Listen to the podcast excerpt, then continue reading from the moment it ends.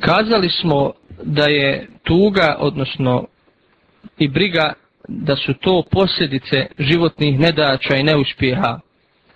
I normalno je da čovjek tuguje i da se brine. Tuga je duševno stanje čovjeka koju prouzrokuju određeni događaj i dešavanje u životu kao što je gubitak i metka, položaja ili dragih osoba, neuspjeh u školi, na fakultetu i tako dalje. I tuga se spominje u uzvišenom Koranu, kada uzvišen Allah subhanahu wa ta'ala kaže Mi reko smo, silazite iz njega svi. Od mene će vam uputa dolaziti i oni koji uputu moju budu slijedili, ničega se neće bojati i ni za čim neće tugovati. Sura El Bekara 38. ajet. Ovaj ajet, odnosno prijevod značenja ajeta, upućuje na to da kada da ko bude slijedio Kur'an i pravi put, neće tugovati na onom svijetu. Jer će zateći ono što će ga obradovati.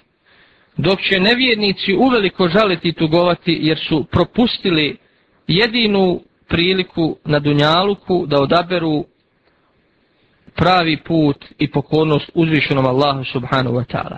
Znači tuga je normalna pojava kod svakog čovjeka kada na ovom svijetu doživi određene poteškoće, neugodnosti, nedaće i neuspjehe. I najodobraniji Allahovi robovi, poslanici, alaihim salatu wasalam, su tugovali.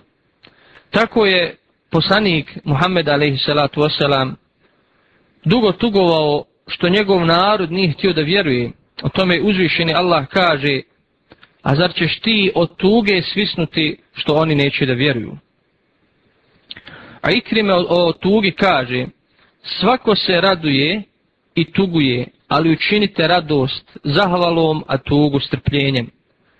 Znači svako tuguje, ali tuga je stanje koje vremenski treba biti ograničeno, jer ako duže potraje i postane konstantno, tada prelazi u jedan kompleksni problem.